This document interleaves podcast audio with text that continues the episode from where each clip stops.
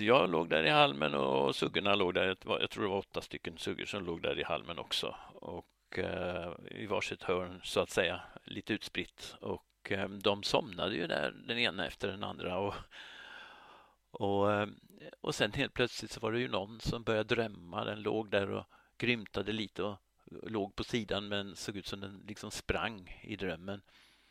Och någon sugga efter en stund vaknar och går upp och går ut utanför öppningen och kissar och sen går den tillbaka in och lägger sig med en ljudlig suck. Och eh, ja, det, alltså, det påminde mig lite grann om eh, livet på luckan när jag gjorde militärtjänst. liksom, man är ett gäng individer som alla har sina beteenden.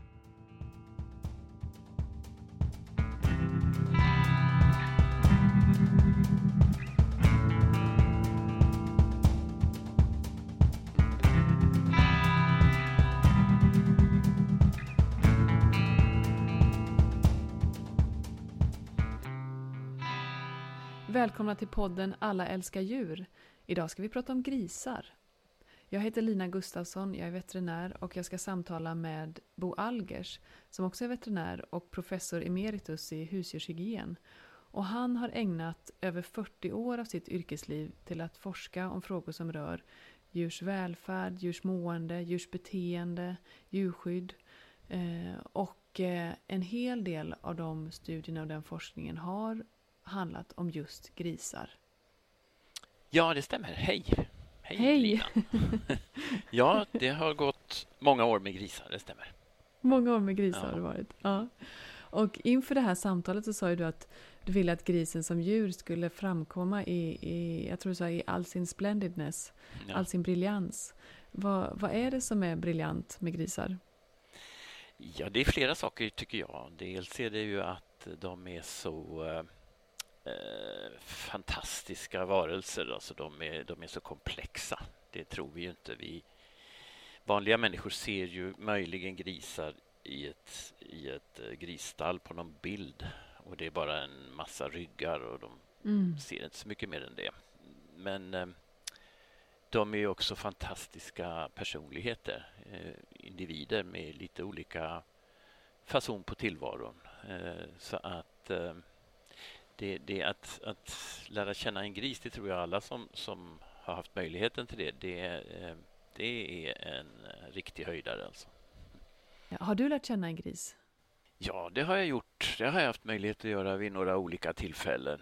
Eh, och bland annat under de åren när Per Jensen och jag vi hade grisar ute i hägn, tamsvin, som Eh, vi placerade ut i hägn ute i naturen och eh, studerade deras naturliga beteende. Och eh, det var ju grupper om en 8, 10, 12 grisar oftast och det var ju inte fler mm. än att man kunde hålla reda på dem och bli lite personlig med många av dem faktiskt. Mm. Var det en av dem som hette Sue Ellen? Ja, det stämmer. Vi, vi namngav en flock efter eh, karaktärerna i den här eh, tv-serien Dallas. Ja. Mm. ja. Men för att jag tänkte faktiskt fråga om det, för du, när, när man äm, tittar på, på förteckningen över dina publicerade artiklar så blir man ju lätt imponerad. Det var ju 41 sidor med, med olika rubriker, inte 41 artiklar utan 41 sidor med olika publikationer. Och en av de studierna som, som jag vet har påverkat grisindustrin mycket och även mig när jag läste den, det, det var ju just det här när ni, eller det var ju flera studier, men, men just det här att ni släppte ut grisar eh, i, i, i skogen och studerade hur de betedde sig. Vad var upprinnelsen till det egentligen? Ja, det var väl flera saker. Dels eh, var det så i slutet på 70-talet, början på 80-talet att eh, den svenska grisindustrin var inte särskilt vacker. Många suggor stod i burar och kunde inte röra sig åt något håll livet ut. Eh, slaktsvinen de gick i fönsterlösa stallar utan ett halmstrå där ljuset var släckt hela dagarna utom just de stunder de blev utfodrade ett par gånger om dagen. Så att mm. vi ville ju gärna försöka förstå grisen och det kunde man inte göra genom att titta på dem i den sortens miljöer. Eh, det fanns också en eh, forskare i eh, Skottland som hade börjat tänka på detta med tamgrisar ute i naturen och hur lika eller olika eh, vildsvinet, dess anfader, som de egentligen är. Och eh, då eh, reste Per Jensen över till Skottland och tittade på vad de gjorde och så kom han tillbaka hem hit och så etablerade vi eh, några flockar i hägn i naturen. Och, och, när du säger hägn, då var det inte en, en liten hage? Nej, det, var det var ju, det var, ju, område, det var lite olika storlek på hägnen men någonstans mellan, jag tror det var 7 och 13 eh, hektar stora var de för flockar mm, på okay. 8-10 grisar. Så det var mm. gott om plats för dem. Vad såg ni? Vad, vad, vad, kan du minnas era första intryck? Ja, en av de saker som vi var väldigt intresserade av det var ju det här med grisens eh, behov av att bygga bo. Eh, vildsvin visste vi ju byggde ju bo när de skulle föda sina smågrisar och eh, då fanns det professorer på Sveriges lantbruksuniversitet som förklarade för oss unga forskare som vi var på den tiden att mm de moderna suggorna de var så väldigt eh, framavlade att de hade inte kvar något bobyggnadsbeteende. Och då ville vi ju se om det stämde. Och, eh, och förlåt, och därför så kunde de hållas i, i bur om de inte har något bobyggnadsbeteende? Ja, var det argumentet? Eller? Ja, precis. Att eh, de hade inga, inga sådana behov. Ja, precis. Så, så, eh, så det var diskussionen som fanns på den tiden. Eh, och eh, då, då släppte vi ut ett antal dräktiga suggor ute i, i skogen för att se om de skulle bygga bo. Och vad gjorde de? De byggde helt fantastiska bon. Och det intressantaste egentligen i hela det här var att eh, vi etablerade två flockar och eh, det är ju så att eh, grisar är ju väldigt sociala djur. Så de har ju en, en flockledare. Och vi hade då två stycken erfarna suggor i de här två första flockarna som hade fött grisar i såna här burar där de inte kunde vända sig. Ett, mm. ett flertal kullar, båda de här suggorna. Så att det var vad de var vana vid. Men när vi släppte ut dem i naturen så gjorde de precis som ett vildsvin gör, nämligen att de gick undan ifrån flocken och eh, hittade en bra plats, oftast under en gran eller i annat skydd av väder. Och, eh, och bökade upp en liten grop i marken och sen gick de och hämtade grenar, ganska grova grenar faktiskt. Och, och, mm. och, och suggor är starka djur så de bryter lätt av en rejäl gren på en mm. buske mm. eller på ett träd, en gren som hänger lågt. Eh, och, och, tog med sig till, till boplatsen och, och kantade så att säga boet med de här grenarna och sen efter en stund så började de gå och hämta gräs och annat mjukt material i skogen och eh, fyllde boet med, med detta. Mm. Och de kunde ju gå en 70-80 vänder för att hämta bomaterial innan de var nöjda. Och när de kom till boet så var de väldigt noga med hur de placerade det här bomaterialet också. Så det var inte mm. bara det att de bara lade in en hög utan de arrangerade det här bomaterialet så att det skulle vara så mjukt och luckert som möjligt i mitten. Och sen kröp de ju in i det där och uh, la sig till rätta och så småningom födde de då sina smågrisar i det här. Hur långt innan, eh, innan började de förbereda? Ja, det var ofta kanske 20 timmar, 24 timmar innan ja. någonting sånt där som, som man kunde se att nu, nu sätter det här igång. Och eh, mm bara några timmar innan förlossningen eh, började som, som bobyggnaden slutade. Och det här fortsatte vi så småningom att studera i lite mer eh, experimentell miljö där vi ville också se hur det här hängde ihop med, med deras fysiologi och frisättningen mm. av en rad olika hormoner. Och det, det har vi då kunnat visa att allt det här beteendet det styrs utav Eh, en rad olika hormoner som, som eh, frisätts i suggan i, i samband med att hon ska eh, föda sin kull. Mm, mm. Och eh, hann de få flera kullar under den här Oh ja, vi tiden? fick väldigt många kullar i naturen på det här sättet och under alla årstider också, inte minst eh, mitt i vintern. Då hade vi eh, lagt ut stora halmbalar i hängnen så att de hade tillgång till bomaterial. Mm.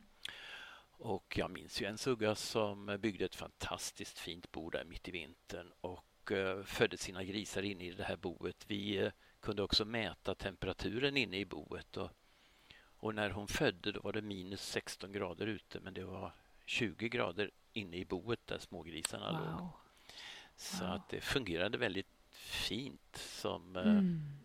som eh, boplats för de här små nyfödda smågrisarna som ju är väldigt, väldigt känsliga för Mm. temperatur. De har inte Mm. mycket att skydda sig med. Nej. Men eh, hela den kullen klarade sig alldeles utmärkt. Och hur var det med det här? För ett annat argument för att hålla suggor i bur som ju fortfarande är väldigt aktuellt är ju att inte smågrisarna ska bli ihjälligna av suggan. Ja, Hur funkade det i de här boen? jo, det funkade väldigt bra och det handlar nog inte bara om borna, även om de har en slags madrassfunktion kan man ju säga som gör det lättare eh, för suggan att inte ligga på smågrisarna så att hon klämmer dem. Eh, Mm. Men det handlar ju också om att de här suggorna, de var ju ute och gick i skogen hela dagarna så de hade ju starka ben. Så Mm. att när de la sig i sina bon så la de sig väldigt långsamt och försiktigt och puttade undan de smågrisar som fanns precis där de skulle lägga sig. Men om man tittar på en sugga som har stått i en bur hela sitt liv så ser man att de är oerhört svaga i benen och de mer eller mindre trillar ner när de ska lägga sig ner och då är det Mm. väldigt lätt hänt att de ligger ihjäl en smågris. Mm. Och handlar det inte också om, om kommunikation? Att ha, ha eh, möjlighet att höra varandra? Jo, grisar pratar ju mycket med varandra och eh, de har diverse olika läten för, för olika funktioner och eh, i ett djurstall med väldigt mycket grisar där det är väldigt mycket larm och dessutom kanske en ventilationsanläggning som låter mycket så är det inte så lätt för dem att förstå vem som pratar med vem och, och, och vad det de vill. Men ute i naturen där det är lugnt och fint så eh, fungerar den här eh, kommunikationen med läten också väldigt, väldigt bra. Mm. Och var det någon av de där grisarna som du fick ett mer personlig relation till?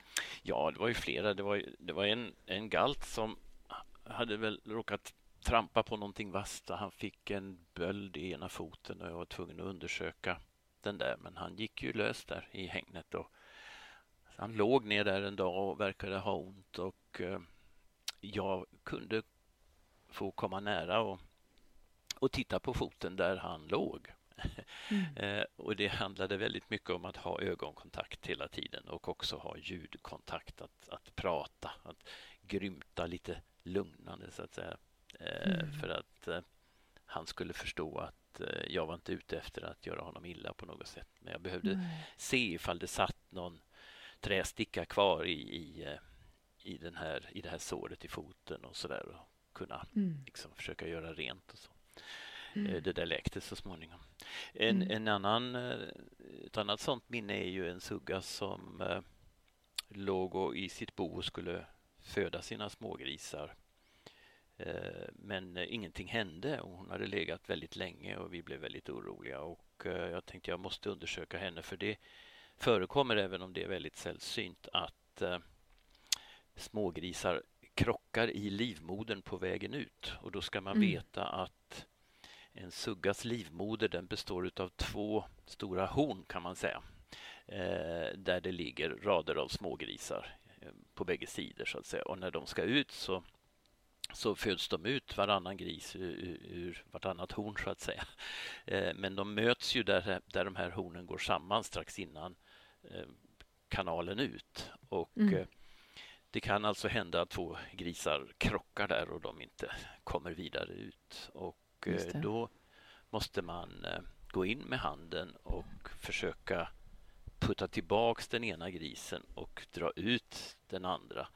Och det gör man genom att fästa ett litet rep runt nosen, runt tänderna på, på den grisen som ska ut och så försiktigt dra i detta så att den sakta men säkert kommer ut. Och, mm. och det, det, tar ofta sin tid det där. Det kan ta en halvtimme eller tre kvart som det gjorde i det här fallet. Och eh, Suggan hon lät mig göra detta. Hon låg där i sitt mm. bo men hon lät mig komma och, och göra det här. Och, eh, och vi pratade också en hel del med varann.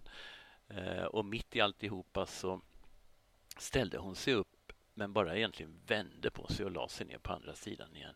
Mm. Så eh, vi hade, kändes det som, ett fantastiskt fint samförstånd under hela mm. den där mm. processen. Mm. Och sen när den där grisen väl var ute, sen kom alla de andra grisarna i turordning. Så det wow. gick bra. Ja, fantastiskt ju. Och det är Verkligen. faktiskt den enda suggan som har haft någon slags förlossningsproblem under alla de år vi hade mm. grisar i skogen. Mm. Man säger ju ofta att grisar är så smarta och liksom att de liknar hundar på många sätt. Mm. Eh, jag kan ju vända mig lite mot det här när man ska försöka liksom, klassificera någon eh, annan arts intelligens. För att det är som att alla är intelligenta i sin egen, i sin egen miljö på något vis. Ja. Men eh, hur ser du på det när det kommer till grisar? Ja, jag tycker du har helt rätt i det att en gris är ju en gris, en hund är en hund och de har, de har alla sina förmågor så att säga eh, mm. och fungerar som sådana djur som, som evolutionen har skapat dem för. Och, eh, men, men eh, problemet är när vi människor inte förstår den här komplexiteten. Och, och, just därför att vi håller djuren på ett sådant sätt att vi inte ens kan förstå det genom att titta på djuren. Mm. Jag glömmer aldrig när jag var hos en, en, en lantbrukare med många grisar i Skåne. Vi var ett gäng där på studiebesök och han hade suggor som stod instängda i burar. Det här är många år sedan. Och eh, han menade helt bestämt att nej men suggor de, de bygger inga bon, de här moderna suggorna. Det var ju långt efter vi hade gjort våra studier. Mm. Eh, men medan han stod där och pratade så såg jag ju på en sugga som var inburad strax bakom där han stod att den här suggan hon utförde sådana här bobyggnadsbeteenden Eh, så att säga i luften. Hon hade inget bomaterial eller någonting sånt. Men man mm. kunde ju se att det var en slags eh, eh, vad ska man säga, luft, inte luftgitarr, men luftbobyggande som, mm. som hon ägnade sig åt därför att de här hormonerna körde för fullt i henne. Mm. Och eh, hon försökte på något sätt ge utlopp för det. Men eh, mm. den här lantbrukaren, han hade inte alls lyckats lägga märke till att det här beteendet förekom. Och det är väl ofta så i den intensiva djurhållningen idag att eh, man hinner inte ägna särskilt mycket tid åt djuren. Man hinner Nej. inte ägna tid åt att bara titta på djuren och försöka reflektera lite över vad de gör. Nej. Och sen måste man ju ha, som ni hade, referensen på något sätt till hur det kan se ut och hur de kan bete sig. Absolut, det, det är helt klart. Men vad hände sen efter den här studien? Fick det genomslag då eh, för hur man såg på suggor och bobyggnad? Ja, det fick det. Eh, det blev Eh, så småningom ett förbud mot att hålla suggor fixerade. Eh, det kom ju egentligen med 1988 års eh, djurskyddslag. Men den skrevs på ett sätt som gav utrymme för feltolkningar och det innebar att en del hade för sig att man kunde tillfälligt ändå Eh, fixera suggorna precis i samband med förlossningen. Eh, och det har ju gjort att eh, lagen har skrivits om vid två tillfällen, senast 2019 och då blev det förtydligandet så solklart så att nu finns det inga som helst utrymmen för att hålla suggor i, i bur längre. Mm. Mm. Och, och, men fortfarande, hur ser det ut med bobyggnad om man tänker på det är långt till grenar och gräs i, i, eh, på betonggolvet? Ja, och det är nog eh, tyvärr så att i många besättningar att det är väldigt torftigt med eh, bomaterial. Att det inte är några stora mängder halm. Även om det är nyare studier som har visat, bland annat utav Rebecka Westin, att med en större halmgiva så får man också ett bättre resultat när det gäller överlevnad och hälsa hos mm. smågrisarna. Mm. Så att eh, det finns all anledning att se till att de har gott om bomaterial. Mm. Mm. Kan du, när, om du tittar tillbaka på när ni började med det här, när ni släppte ut de här grisarna i skogen till exempel och tänker mm. fram till idag. Mm. Vad, vad, vad, vad, såg du framför dig då och har det blivit som du trodde? Om man tittar på grisproduktionen och hur grisar har det. Ja, det... Jag hade ju hoppats att vi skulle slippa de här burarna och det har vi ju sluppit i Sverige och i några länder till faktiskt. Eh, men det är ju en hel del kvar där. Nu eh, har ju EU till exempel tog ju för, eh, jag tror det är tio år sedan, beslutet att dräktiga suggor får inte stå i bur. Men man har ju kvar det här med digivande suggor och det här det pågår just nu ett stort arbete i EU med att se över den djurskyddslag man har och eh, där finns det väl ett väldigt starkt tryck på att man ska ta bort eh, möjligheten att ha suggor i burar under digivning också, under förlossning och digivning mm. också. Och det, det eh, finns ett väldigt bra vetenskapligt stöd för att förbjuda de här burarna. Så det hoppas jag verkligen att det blir verklighet. Och hur har de det om de, om de inte har, om de inte, eller kan du beskriva lite hur det ser ut om de inte är fixerade i bur eh, så går de i en grisningsbox? Då går de i en grisningsbox och den är väl i och för sig som, som regelverk ser ut idag så är den ju inte särskilt stor. Alltså den är ju kanske 6 kvadratmeter i bästa fall. Mm. Och eh, förhoppningsvis då eh, försedd med halm. Men eh, det vet vi att det är ofta någonting som man betraktar som kostsamt. Både att administrera den här halmen och ja, hela, hela cirkusen runt det. Och det, det är tyvärr så att det, det, är inte optimalt som det ser ut i många besättningar utan med mer plats och, och mer eh, strömaterial och så, så skulle det vara betydligt bättre för grisarna naturligtvis. Mm, mm. De här grisarna som var eh, som ni släppte ut, Suellen och hennes kompisar. Mm. Vad hände med dem sen? Fick de gå tillbaka in i industrin eller var det slut? Nej, Nej. de eh, vi hade dem ju i många år mm. men eh, de fick eh, sluta sina dagar mm. så som de flesta grisar slutar mm, idag. Mm, fick de göra. Mm. Vill du berätta något mer om något mer minne från den tiden? Det... Mm. Ja, alltså det, apropå att grisarna är personligheter så vi, vi hade ju en studie där vi just skulle se hur bobyggnadsperioden startar. Så vi hade ju ett gäng suggor som skulle grisa någorlunda samtidigt och de där följde vi ju dygnet runt för att liksom lära oss vad, hur, hur beteendet ser ut precis när det, när det går igång, när de skulle lämna flocken, för det gör de då varje sugga som ska börja bygga bo mm. och går iväg. Men eh, då hade jag ett sånt där observationspass eh, där de fortfarande var tillsammans i en grupp och, och, vi hade dem i det här hängnet utanför Skara. Där hade vi dessutom av halm och ett trätak byggt ett skydd för riktigt dåligt väder. Och då var det väldigt dåligt. Det var väldigt regnigt den kvällen och natten när det var min tur att observera djuren. Så att eh, alla suggorna de gick in där. Det var gott om plats där inne och massor med halm.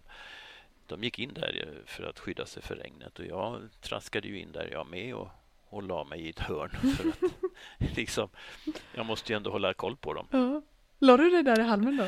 Så jag låg där i halmen och suggorna låg där. Jag tror det var åtta stycken suggor som låg där i halmen också. Och och eh, i varsitt hörn så att säga, lite utspritt. Och eh, de somnade ju där den ena efter den andra. Och, och, eh, och sen helt plötsligt så var det ju någon som började drömma. Den låg där och grymtade lite och låg på sidan men såg ut som den liksom sprang i drömmen. Mm. Och någon sugga efter en stund vaknar och går upp och går ut utanför öppningen och kissar och sen går den tillbaka in och lägger sig med en ljudlig suck. Och ja, det, alltså, det påminde mig lite grann om eh, livet på luckan när jag gjorde militärtjänst. liksom, man är ett gäng individer som alla har sina beteenden och, och så. Mm. Eh, och, och, och, just det här med att de blir så personliga, de blir, de blir individer i ett sånt här sammanhang. Mm. Det, det, är faktiskt eh, det är väldigt, väldigt fint Mm. att, att, att få uppleva det. Det låter fantastiskt alltså. Verkligen. Mm. Hur eh, kunde ni se också det i, i, em, bland smågrisarna och unggrisarna? Olika personligheter eller temperament eller så? Ja, och då, eh, det kan man göra och, det, det hänger rätt mycket ihop med hur, hur, hur bra de har det så att säga rent eh, eh, med, med, med näringstillförsel och så. De, de som lyckas bra, de som får bra med mjölk och så där, eh, de eh, blir ju så småningom när det har gått några veckor eh, gruppledare i kullen. Mm. Och det där tittade vi en hel del på därför att man ser ju att grisar när de växer upp, de, när man blandar främmande grisar, då slåss de väldigt mycket. Mm. Eh, när vi hade grisar i häng, då tittade vi på hur smågrisarna eh, blandade sig med de andra smågrisarna som fanns efter det att de kom tillbaka från grisningsboet. För de vistas inte så länge i de här grisningsborna. Det tar kanske en vecka, tio dagar. Och sen vill inte Suggan vara kvar i det här grisningsboet utan hon vill tillbaka till flocken. Mm. Och hon lockar med sig smågrisarna till resten av flocken. Och eh, då eh, har vi tittat på hur, hur mycket slåss de då med, med andra smågrisar som redan har hunnit tillbaka in i flocken. Mm. Och det är väldigt, väldigt lite eh, slagsmål om ens något alltså. Eh, medan däremot när man sätter ihop grisar i, eh, i den intensiva grisproduktionen när man handlar med grisar, då är det 25 kilos grisar. De är visserligen lite större då.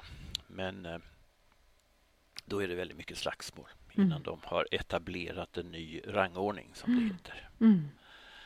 Och samma när de kommer de först till slakteriet och blandas.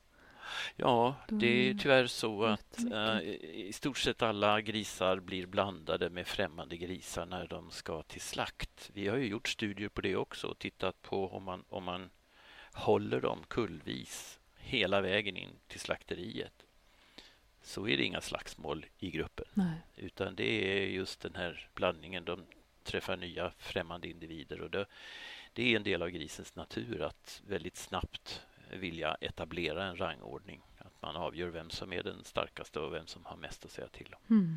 Och det är därför att det är grupplevande djur och det är viktigt för en sån här grupp att ha en, en stark ledare. Rent evolutionärt är det, det finns ett evolutionstryck så att säga som, som gör att det kommer att fungera på det sättet. Mm. Mm. Du har ju verkligen gjort studier om många saker. Hur kom det sig att, det blev, att detta blev ditt fokus? Ja, jag vet inte riktigt varför jag egentligen kom att tycka så mycket om grisar. Alltså det var nog liksom eh, att det växte fram. Det var nog mer en tillfällighet att, att jag blev inblandad i, i studier. Det handlade då om avvänjning av grisar. Min, min första kontakt med grisar det var att studera vad som händer när man avvänjer dem från suggan eh, väldigt tidigt. Mm. Det vill säga att de skulle vänjas av från att få mjölk från sin mor redan vid tre veckors ålder istället för sex veckor som var normalt i Sverige på den tiden. Och dessutom hålla dem i burar som man staplade ovanpå varann. Eh, Det här var ett system som man hade hittat på i USA och som eh, spred sig i världen och det fanns eh, intressenter i Sverige som ville införa det här i Sverige och sälja den sortens system också i Sverige. Men Då har vi en, ett regelverk som säger att den här typen av ny teknik i djurhållningen den ska Mm. förprövas utifrån ett djurvälfärdsperspektiv innan det blir tillåtet. Och då fick jag göra den här förprövningen. Förlåt, får jag bara fråga. Och, Skulle eh, bu, var det burar för smågrisarna? Så att efter Ja. att de hade diat klart, då skulle de sitta i bur? Var, Ja. ja, men i grupp alltså. Då hade man dem kullvis i, i, en, i en bur. Så det fanns Mm. inget strömedel alls. Och det var ett, ett eh, gallergolv och det var gallerväggar. Och de kunde man stapla ovanpå varandra. första gången jag har känt att betong är bättre. Eh, Ja, faktiskt. Eh, Det här, det här eh, var, var eh, ett, ett märkligt system egentligen. Men eh, mi- mi- mitt engagemang för grisarna kom sig då utav att jag började förstå att det där med att avvänja grisar inte handlade så mycket om att vänja dem vid någonting utan det var ju någonting som Mm. skedde helt abrupt. Man tog ju bara hela kullen från Mm. suggan, pang. Och sen eh, påstods de då vara avvanda, men det var de ju inte. De ville ju fortfarande dia. Och vad vi då såg på de här treveckorsgrisarna var att de Mm. började ju dia varandra. De hade en sån stark motivation, alltså inre drift för att dia, att de var tvungna att få ut den på något sätt. Och då låg det någon smågris på sidan och, och, och vilade så kunde den ha en tre, fyra andra smågrisar som stod och, och masserade på magen på den eh, precis som de Mm. gör på suggans juver då när de ska få mjölk. Och vi kunde se att det dessutom uppstod skador på, på de här stackars smågrisarna som blev masserade på det där sättet. De hade inte så tjock, tjock hud och hud som var liksom redo för någonting sånt. Eh, och, eh, och det här med, med avvänjning av grisar, det, det kom vi att göra en hel del studier på faktiskt. Eh, Och, och det var väl då som intresset för det här med digivningen växte Mm. fram också. Mm. Och, och, och ehm, den där frågan har ju lite gått eh, fram och tillbaka. För det var inte så länge sedan som man sänkte tiden som, som eh, det var tillåtet att ta grisarna från suggan. Nej, det stämmer. Det är ganska nyligen så har Jordbruksverket försämrat det regelverket eh, och det har de ju gjort eh, i, helt i strid med all den forskning. Det finns ju massiva mängder forskning från forskargrupper över hela världen om detta eh, som är helt överens om att en tre veckor gammal smågris den, den kan man inte avvänja på ett riskfritt sätt utifrån dess Mm hälsoperspektiv. Och eh, det struntar myndigheterna i eh, därför att näringen vill att det ska vara så. Eh, trots då att vi har en lag som skriver att djur ska hållas på ett sådant sätt att de kan bete sig naturligt och det kan inte små grisar som tas Mm. från suggan så tidigt. Så här kan man säga att vi har en djurskyddslag som egentligen är fantastiskt bra. Den är, den är utomordentligt bra, den, den lag vi har. Men vi har en myndighet som inte skriver detaljregler i enlighet med den lag som de folkvalda politikerna då har stiftat utan istället lyssnar på krafter i näringen som säger att vi vill ha det på det här sättet istället. Det finns fler sådana exempel men det här är ett av de mer flagranta exemplen när man låter eh, näringen utifrån ett perspektiv som inte har ett smack med djurhälsa och djurvälfärd att göra eh, påverka Mm. eh, Och detaljregler. det finns så mycket forskning bakom motivet att inte göra så. Ja, visst, den är massiv och där är ju forskarna internationellt helt överens om hur det här fungerar. Så att eh, det, det är inte så att det inte finns någon kunskap runt Mm. det här. Det finns Mm. massvis med kunskap runt det här Mm. och den är väldigt entydig. Ja, men hur såg det ut för eh, Suellens griskultingar? Eh, suggorna som ni släppte ut i skogen. Hur, hur går avvänjningen till där eh, i, i det fria? Där tar det tid, där går det långsamt. Där kan man verkligen prata om avvänjning. Och man kan spåra att suggan börjar så att säga förändra villkoren för smågrisarna som egentligen ingenting hellre vill än att bara dia henne hela tiden. Men att suggan gör det svårare och svårare för smågrisarna redan efter en veckas ålder. Men det är först efter en sex, sju veckor som de äter så pass mycket annan foder att, att magen och tarmarna anpassar sig mm. till det här nya foderintaget. Och en del, en del eh, kullar blev inte avvända förrän efter mm. 10, 12, 15 veckor.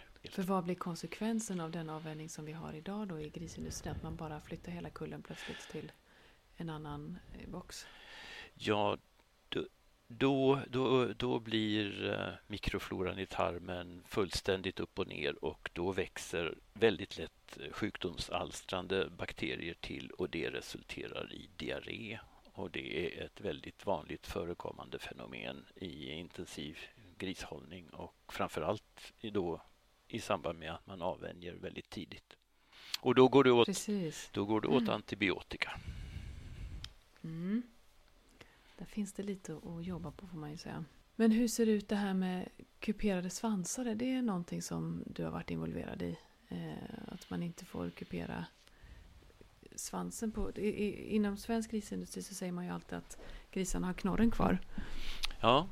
Eh, är, varför har de det? Eller vem har inte det? Ja, alltså man kan ju tycka det är konstigt att varför pratar vi om att vi har en uppfödning som innebär att en del av djuret är kvar. Eh, Exakt. Det, det är ju lite absurt egentligen men det, det beror ju på att eh, i de flesta länder i världen så tar man bort det mesta av svansen på smågrisar redan när de är ganska nyfödda. Eh, och det gör man för att de inte ska bita varandra i svansarna. Och varför biter de varandra i svansarna? Jo, det är därför att man i när man eh, flyttar över dem i de här boxarna där de ska bli stora, man ska föda upp dem till slaktsvin.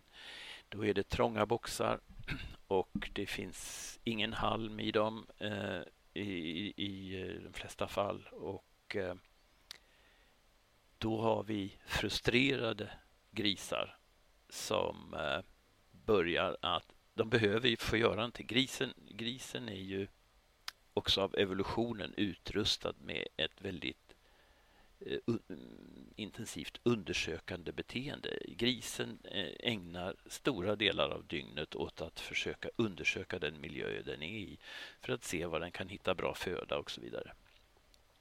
Och om den inte har någonting att göra om den befinner sig i en väldigt karg miljö så riktar den sin uppmärksamhet mot det enda som finns och då kan det ofta vara svansarna på kullkamrater och eh, eh, börja bita i dem. Och mm. Kommer det då lite blod, ja då händer det ju väldigt mycket. Då eh, blir det färg, då blir det lukt, då blir det smak eh, och då biter de ännu mer och så börjar de bita av svansarna av varandra. Och det här är i sig ett välfärdsproblem men det är också ett eh, problem när det gäller eh, kötthygien därför att det blir lätt bölder i grisköttet som en följd av detta. Mm. Så när grisen hamnar på slakteriet och man skär upp dem så kan man då hitta bölder i dem. Och eh, Det här vill man undvika eh, och då gör man ju inte som man egentligen borde, det vill säga ge dem mer plats, ge dem en massa halm och så därför att då har de inte det här behovet av att bita svansen av varandra. Utan man eh, får för sig att det är mycket bättre att knipsa svansarna av grisarna. Då slipper man använda halm och då kan man ha kvar de trånga miljöerna och de karga miljöerna. Och det är den vägen man har valt i de flesta länder. Men i, i, Sverige har vi faktiskt inte valt den vägen utan här ser vi till att grisarna har något strömedel i alla fall så att de eh, ägnar sig åt det och att det är tillräckligt med plats för dem till exempel när de utfodras så att alla kan äta samtidigt och inte några blir utan och blir frustrerade utav det. Mm. Mm. Så eh, det har vi eh, klarat i Sverige och det är ju någonting som vi borde lära så att säga, resten av världen för att det här är nämligen inte tillåtet att hålla på med regelmässigt i hela EU. Men ändå så gör man det i de stora grisproducerande länderna som Danmark, Spanien, Tyskland, det, det är de riktigt stora grisproducenterna i EU. Där knipsar man svansarna av eh, i stort sett alla grisar. Och det gör man när de är bebisar eh, Ja. och, och utan smärtlindring eller någonting? Man bara Precis, ingen amputerar smärtlindring. en kroppsdel? Man bara knipsar av svansen, precis. Mm, mm, mm. Och det är ju i, i grunden märkligt att man liksom inte klarar av att föda upp ett djur så som det djuret är. Mm. Utan att man måste skära i det och hitta på en massa saker. Det, det är ju ett stort misslyckande egentligen. Verkligen. Och det är ju jätteintressant också att, som du säger det här att när de får tillräckligt med utrymme och tillräckligt med plats, eh, ja men då är inte, då är varken svansbitning eller slagsmål något problem. Nej, precis. Om de får kommunicera så som de är eh, gjorda för att kommunicera med varandra så kan de lösa sina, sin, sina konflikter eller sina meningsskiljaktigheter eller bara sitt samspel på egen hand. Ja, då kan grisen vara gris på riktigt. Mm, mm, precis. Vad tycker du skulle krävas för att grisen ska få vara gris på riktigt eh, idag i den produktionen som vi har? Eller går det ens? Alltså om en gris ska vara gris på riktigt, då tror jag vi talar om utegrisar. Därför Mm. att grisens behov av att få undersöka och, och, och liksom böka och, och, och, och liksom, ja, vara aktiv på det sättet. Det är så intensivt och det kan den bara få en tillräckligt bra tillfredsställelse av i, eh, i ett sammanhang där den, där den är ute i naturen. Mm. I, inte hela dagarna kanske, men i alla fall under lång tid av dagen. Mm. Så det, det tycker jag nog är, är, är villkoret för att en gris ska kunna leva ett bra grisliv. Att få böka och gå ut och utforska Mm. eh, sin miljö. Och hur ser det ut idag? Hur många grisar är det som, som får gå ute? Det är ju bara någon, någon enstaka procent tyvärr idag. Ja, Mm. så 99 procent föds upp inomhus. Ja, någonting Ungefär. sånt. 98-99. Ja. Eh, Det finns andra länder där man har mer tradition av att ha grisar ute. England till exempel. Mm. Där är det betydligt vanligare att grisar går ute. Mm. Eh, Och då har man ändå ett klimat som är egentligen mycket sämre än vad vi har i Sverige. Därför att det som grisar som är ute far illa av det är när det är kallt och fuktigt. Och det är ett så typiskt kustklimat. Mm. Eh, och England har mycket av ett sånt kustklimat. Men i stora delar av Sverige så har vi ju ett inlandsklimat där det visserligen kan vara kallt men är i sådana fall torr luft och eh, det klarar grisarna väldigt bra. Mm. Och där kan jag tänka mig att de också, om de får möjlighet att bygga sina bon eller ha mycket halm att gräva ner sig i så, så behöver inte kylan vara ett problem. Nej, det är, det är inget problem då utan det fungerar bra. Mm. Ja, grisar vill böka, de vill vara ute, de vill leva sina liv. Och det finns mycket mer att säga i den här frågan och eh, om de här fantastiska djuren.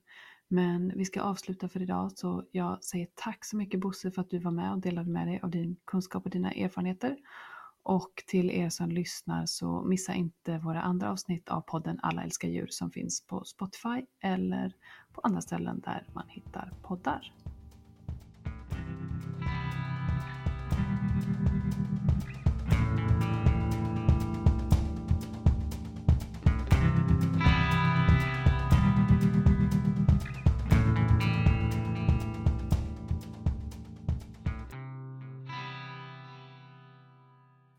För att du har lyssnat på podden Alla älskar djur. En podd av veterinärerna Lina Gustavsson, Bo Algers och Felicia Hogrell.